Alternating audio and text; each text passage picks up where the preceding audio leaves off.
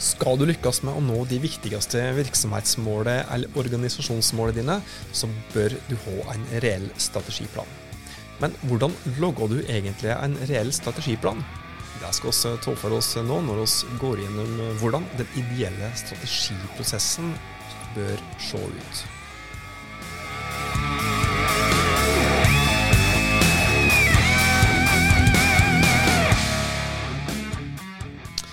Hei, hjertelig velkommen til Hauspodden, podkasten fra fagfolket i Haus. Og oss er, som hver eneste gang i denne podkastserien her, på plass for å hjelpe deg med å nå de målene som du har sett deg der som du jobber. Og det er sjøl om du ikke nødvendigvis har verdens største, største, team i ryggen for å backe det opp, eller heller ikke da nødvendigvis har mange, mange, mange, mange titalls, eller kanskje hundretalls millioner til å, til å rutte med. Jeg heter Tormod Sperstad og sier tusen takk for at du har trykt på play på denne podkast-episoden her.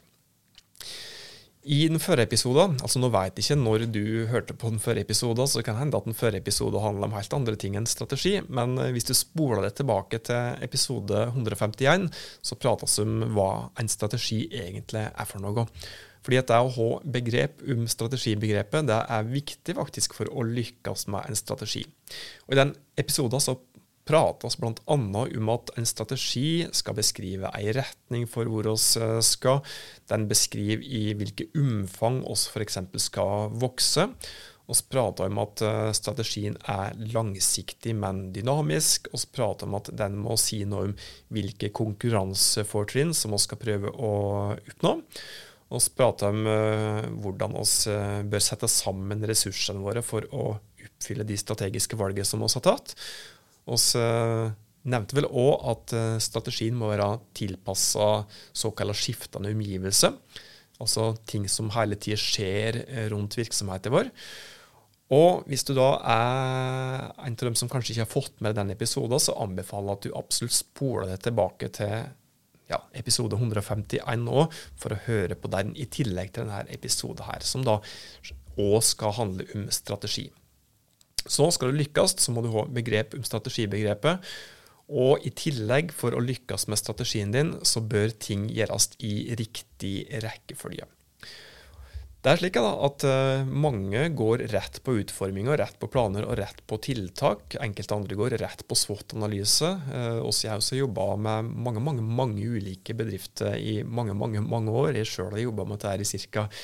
20, 20 år. Jobba med ulike bedrifter i såpass mange år. Og har sett relativt ofte at når virksomheter sier at de jobber med strategier, så går de rett på f.eks. tiltak, eller rett på ei SWOT-analyse. Og begge deler er egentlig ikke helt optimalt, eller ganske uheldig, og kan føre til at du faktisk overlater til flaksen din om du da lykkes med strategien din eller ikke. Med andre ord så bør du ha en god strategiprosess for å lykkes, og det handler òg om å gjøre ting i riktig rekkefølge. Hvordan? Altså Rent overordna så handler dette her om tre ulike trinn som du bør gjennom, eller skal gjennom. Det er at du må gjøre en strategisk analyse, eller strengt tatt faktisk flere ulike strategiske analyser. Deretter, neste trinn i prosessen handler om utforming av strategien, og den neste, eller siste delen av strategiprosessen er jo da gjennomføringsdelen. Og I hvert trinn så er det ulike oppgaver som må gjennomføres, og skal se på hvert enkelt trinn i denne podkast-episoden. Og bare for å si det, vi skal ikke gå detaljert gjennom hvert enkelt trinn, fordi da kunne vi nok eh, kanskje hatt en episode til, ja, som hadde handla om bare den strategiske prosessen, eh, kanskje daglig i flere måneder framover. Men målet med episoden er å gi det et overordna overblikk over hvordan den ideelle strategiske prosessen ser ut, og hvilke ulike deler, trinn i prosessen som du bør igjennom for at du i størst mulig grad skal lykkes med å nå de målene som er satt i en strategi. Men det starta da med en strategisk analyse, som da rent overordna handler om både en ekstern analyse og en intern analyse. Det er ikke tvingende nødvendig å starte med eksterne analyser før du tar intern analyser, eller omvendt, men det viktigste er at du hele tida starter med en strategisk analyse. Når det er sagt, så anbefaler oss kanskje at du starter med ekstern analyse. Som nevnt, strategisk analyse det handler om flere ulike analyser. Og det er ulike verktøy som du kan bruke i hver enkelt analyse. Og skal ta for oss noen av de vanligste verktøyene, eller vanligste metodene her i, i dag. Og Det er viktig å være klar over det at når vi analyserer, så gjør vi det på ulike nivå. Vi gjør det på et såkalt makronivå, vi gjør en såkalt bransjeanalyse, vi gjør en konkurrentanalyse, og vi eh, avslutter gjerne med å gjøre en analyse av organisasjonen vår, virksomheten vår. Og Eksternanalyse da, det handler bl.a. om en såkalt makroanalyse, altså ser på det store bildet. Her handler det enkelt forklart om at uh, oss analyserer de store hendelsene som skjer rundt oss i verden. Ting som gjerne er rammebetingelser, altså ting som oss ikke har mulighet til å påvirke i noe særlig grad. Dette kan være trender og hendelser som f.eks. Uh, klimaendringer, det kan være konflikter, det kan være kanskje nye lover som blir vedtatt. Så er det òg et verktøy da, som heter Pestel, som da er forkortelse for ulike ting som vi ser på. Dette er et verktøy som da hjelper oss med å finne ut hva er det viktigste som skjer rundt virksomheten vår. Uh, med andre ord, så dette er et verktøy som vi bruker i ekstern analyse. Det hjelper oss da til å se på hva det som har størst påvirkning for oss på kort og på lang sikt. Og Da er det prat om, igjen da, om det som skjer et stykke utenfor organisasjonen vår, som vi ikke har mulighet til å påvirke i noe særlig grad, eh, men som da påvirker oss. da. Og Her ser vi på, på, politiske faktorer. altså Politiske faktorer, da pen i, i Pestel. Eh, hadde f.eks. kommet til kanskje nye støtteordninger som, som kommer oss, eller kanskje markedet vårt, til gode og ser på økonomiske faktorer, som da er den første én i Bestell. Eh, går det f.eks. bra, eller går det dårlig med norsk økonomi om dagen? Eh, hvordan er egentlig renteutviklingen akkurat eh, nå for tida? Og det går også på sosiale faktorer. F.eks. hvordan er alderssammensetningen i markedet der oss opererer? Og det går opp på teknologiske faktorer og trender. Hva er utviklinga, hva er trender er det vi ser i verden når det gjelder teknologi, og hvordan kan disse her påvirke oss. Og ser òg på miljøfaktorer. Hvordan står det f.eks. til med, med klima i markedet som vi skal serve? Og L-en i Pestel det står for love. Etter love må vi forholde oss til? Er det f.eks. kommet til noen nye kanskje skatteregler som, som påvirker oss, eller kanskje noen utslippsregler som kan gi konsekvenser for oss på, på stutt eller lang sikt? Vi det òg en mikroanalyse der vi ser på krefter som vi kan ha en viss mulighet til å påvirke. Og Her kan vi uh, bl.a. bruke en metode eller et verktøy som blir kalt Porters fem konkurransekrefter, for å se på faktorer som ligger utenfor organisasjonen vår, men som er litt tettere på oss enn vedtak som blir gjort på, på f.eks. I, i Stortinget. da. Dette kan handle om uh, bransjeendringer, hva er det som skjer i bransjen vår, hvilke virksomheter er det som oss konkurrerer med i bransjen vår. Det handler om uh, hvordan relasjonen til, til, kundene våre er, og i hvilken grad uh, kunden har makt over oss, eller kanskje oss har makt over kundene våre. Det handler om leverandører.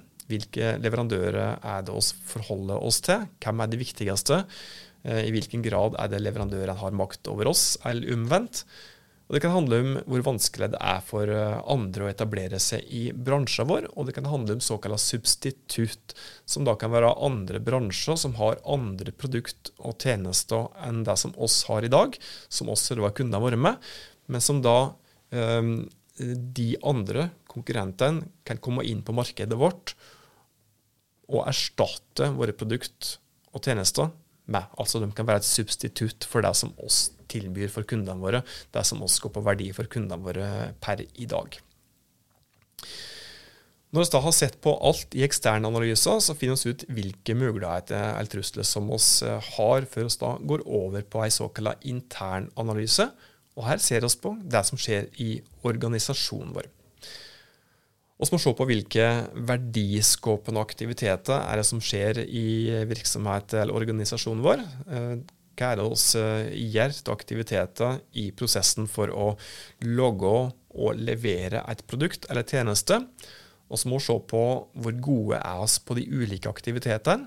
Vi må se på hvilke aktiviteter er det som er viktigst for at kundene våre skal være ordentlig, ordentlig, ordentlig fornøyde med oss i lang, lang tid framover. Vi må òg analysere de ressursene som vi har, i form av ja, ressurser i form av f.eks. de hugue som jobber i organisasjonen vår.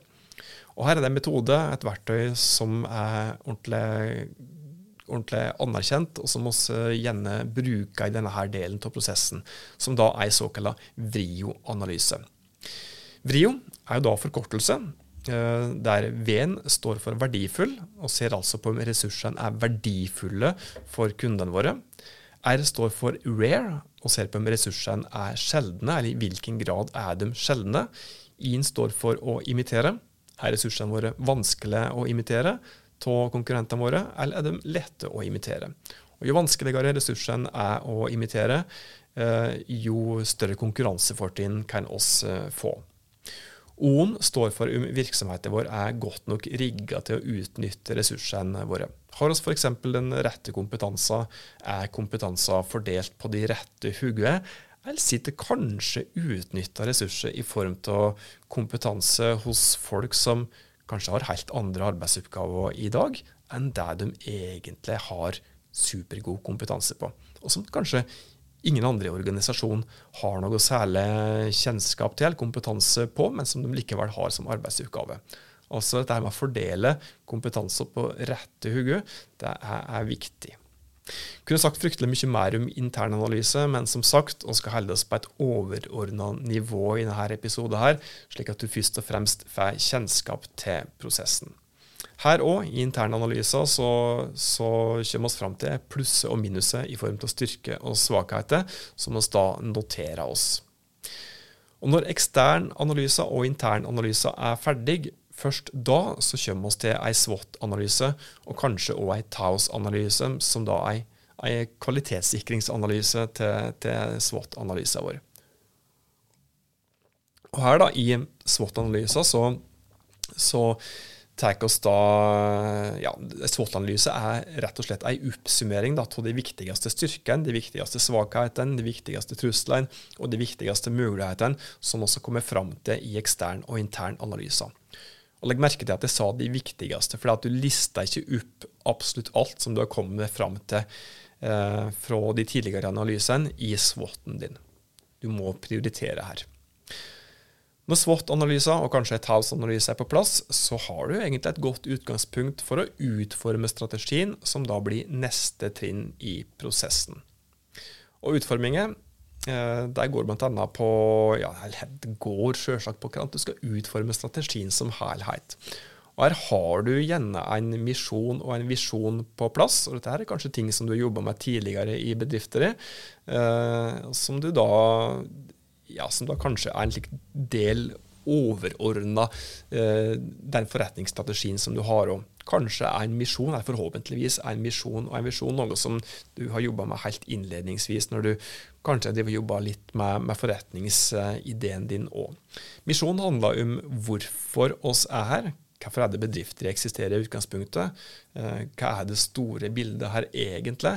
Og Visjon handler da om eh, rent overordna, gjerne hårete mål, som gjerne er et eh, mål som du alltid har å strekke deg etter. Utforminga inneholder gjerne og litt om eller gjerne, ideelt sett, noe om hva som er den generiske strategien, som da overordna er om du skal ha enten en kostnadsstrategi eller en såkalt differensieringsstrategi. Skal vi f.eks. være billigst, eller skal vi differensiere oss i form av kanskje å ha eh, det mest brukervennlige produktet, eller kanskje den beste kundeservicen? Og Når den generiske strategien er på plass, så setter vi oss konkrete strategiske mål. Og Så må vi ha planer og tiltak på plass, som da kan bidra til at vi eh, når de målene som vi har satt oss. Og Sist og viktigst så er det da å prate om gjennomføringen. Det er en beskrivelse for hvordan vi skal gjennomføre de ulike tiltakene for å nå målet våre. Og så må vi i den prosessen òg måle det som vi gjør. Hva er det som fungerer, og hva er det som ikke fungerer? Og så må vi justere oss inn etter de resultatene som vi ser når vi måler. Så må vi vurdere resultatet, tilpasse oss, kanskje skrote noen tiltak, kanskje iverksette nye tiltak. Det var stutt og overordna om hvordan den ideelle strategiprosessen eh, bør se ut. Og nok en gang, her har vi kun skrapa i overflata, og målet her er å gi det god kjennskap til den ideelle prosessen, slik at det skal være enklere for det å lykkes med å nå strategiske mål, uansett om du har strategiarbeid som en liten eller stor del av jobben din i det daglige, eller kanskje òg hvis du skal leie inn eksterne samarbeidspartnere, kanskje en sparingspartner, som skal være med og hjelpe deg i strategiprosesset. For det at du, hvis du har kjennskap til strategiprosessen, så er det enklere for deg å være trygg på valget og prosessen, eh, valget av en ekstern samarbeidspartner, en ekstern leverandør, og være trygg på ikke minst at, at prosessen er ordentlig, ordentlig bra om det vokser. Da er det tid for ukas framsnakk, og i ukas framsnakk så skal jeg framsnakke en app. Appen kan hjelpe deg når du skal lykkes med tiltaket som du har i en eh, strategiplan. Da prates helt ned på, på, mikronivå når det gjelder tiltak, eh, f.eks. når du skal lage en video, for dette her er en videoredigeringsapp. Stort fortalt, dette er en ordentlig, ordentlig enkel app som er enkel å bruke. Uh, fungerer på mobiltelefon og desktop, så hvis du er newbie på videoredigering, så anbefaler jeg den appen. Og det fine med den er at uh, den er lillesøster, er lillebror til Adobe Premiere, som da egentlig er bransjestandarden for videoredigering. Så hvis du har starta med Adobe Rush, så kan det være enklere for det å gå over til Adobe Premiere senere. Annen bonus er at når du grovredigerer en video i Adobe Rush, på f.eks. smarttelefonen din, så er prosjektet, videoen som du redigerer, synka i skyløsninger som du har i Adobe, slik at du kan ta opp igjen prosjektet ditt og faktisk fullføre det på en desktop senere.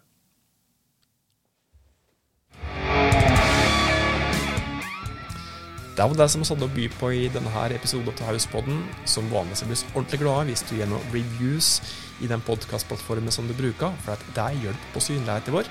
Og får vi bedre synlighet, så kan vi hjelpe enda flere med å nå de målene som de har satt seg.